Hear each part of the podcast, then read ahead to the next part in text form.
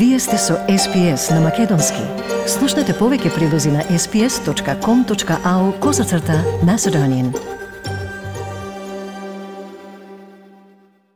Микейла Тасевска е 16 годишна девојка од Мелбурн која тренира карате од 6 годишна возраст. Таа има постигнато успеси на државните првенства на Викторија и на национално ниво. А на првенството на Океанија во Нумеа, Нова Каледонија, минатата недела се закити со златен, сребрен и бронзен медал. Во разговорот со СПС на Македонски, Мекейла рече дека се чувствува горда и срекна со резултатот и се надева дека ќе има можност да се надпреварува и на светското шампионство во Турција подоцна оваа година. I came first in my team committee and then I came second in my open weight and I came third in my weight division, which was under 59 female junior committee. I was very happy and proud of myself. I was so grateful to have been there and so excited to have come back home with the result that I got. And I'm hoping that I can get into the junior worlds later on in October in Turkey. Микейла ни кажа и за другите каратисти со македонско потекло кои се закитија со медали на ова првенство. Тоа се Тео Цветковски кој освои два златни медали во категоријата со борби кумите на сениорската конкуренција и конкуренцијата по 23 години. И Стефани Тимовска која се избори за златен медал во јуниорската категорија во ката. So Stephanie got a gold medal in her kata and Terry got a gold medal in his division and a gold medal in his team committee. За да се постигне ваков успех, потребна е огромна посветеност и многу труд.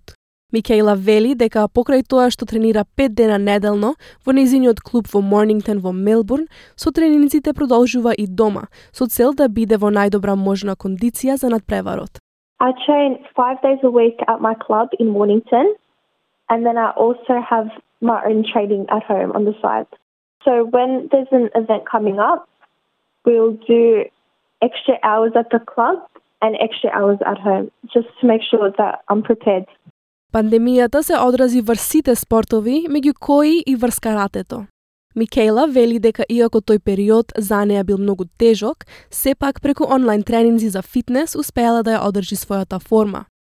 Таа додава дека откако првенствата почнаа повторно да се одржуваат, таа има нова мотивација да постигне уште поголем успех.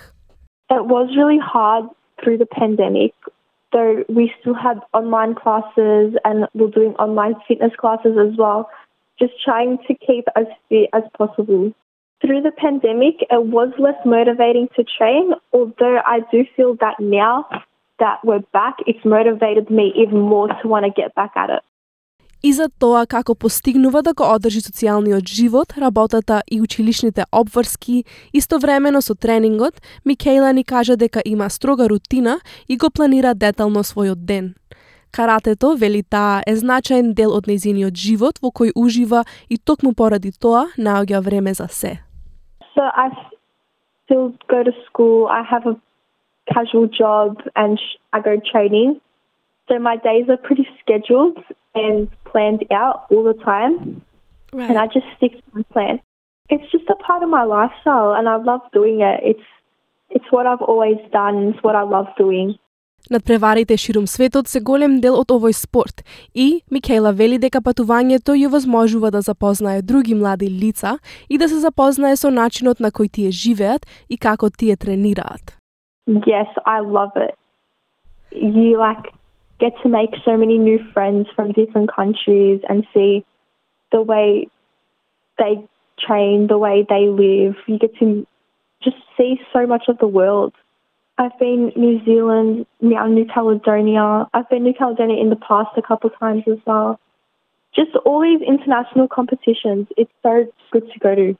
Сега, Микела рече дека се подготвува за националното шампионство во август во Рокхемптон, од кое победниците ќе се квалификуваат да се надпреваруваат во Турција.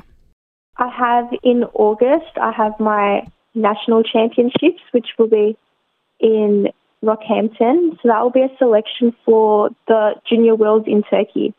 So my main goal for this year is to get to Turkey and represent Australia. Сакате ли да чуете повеќе прилози како овој? Слушате подкаст преку Apple Podcasts, Google Podcasts, Spotify или од каде и да ги добивате вашите подкасти.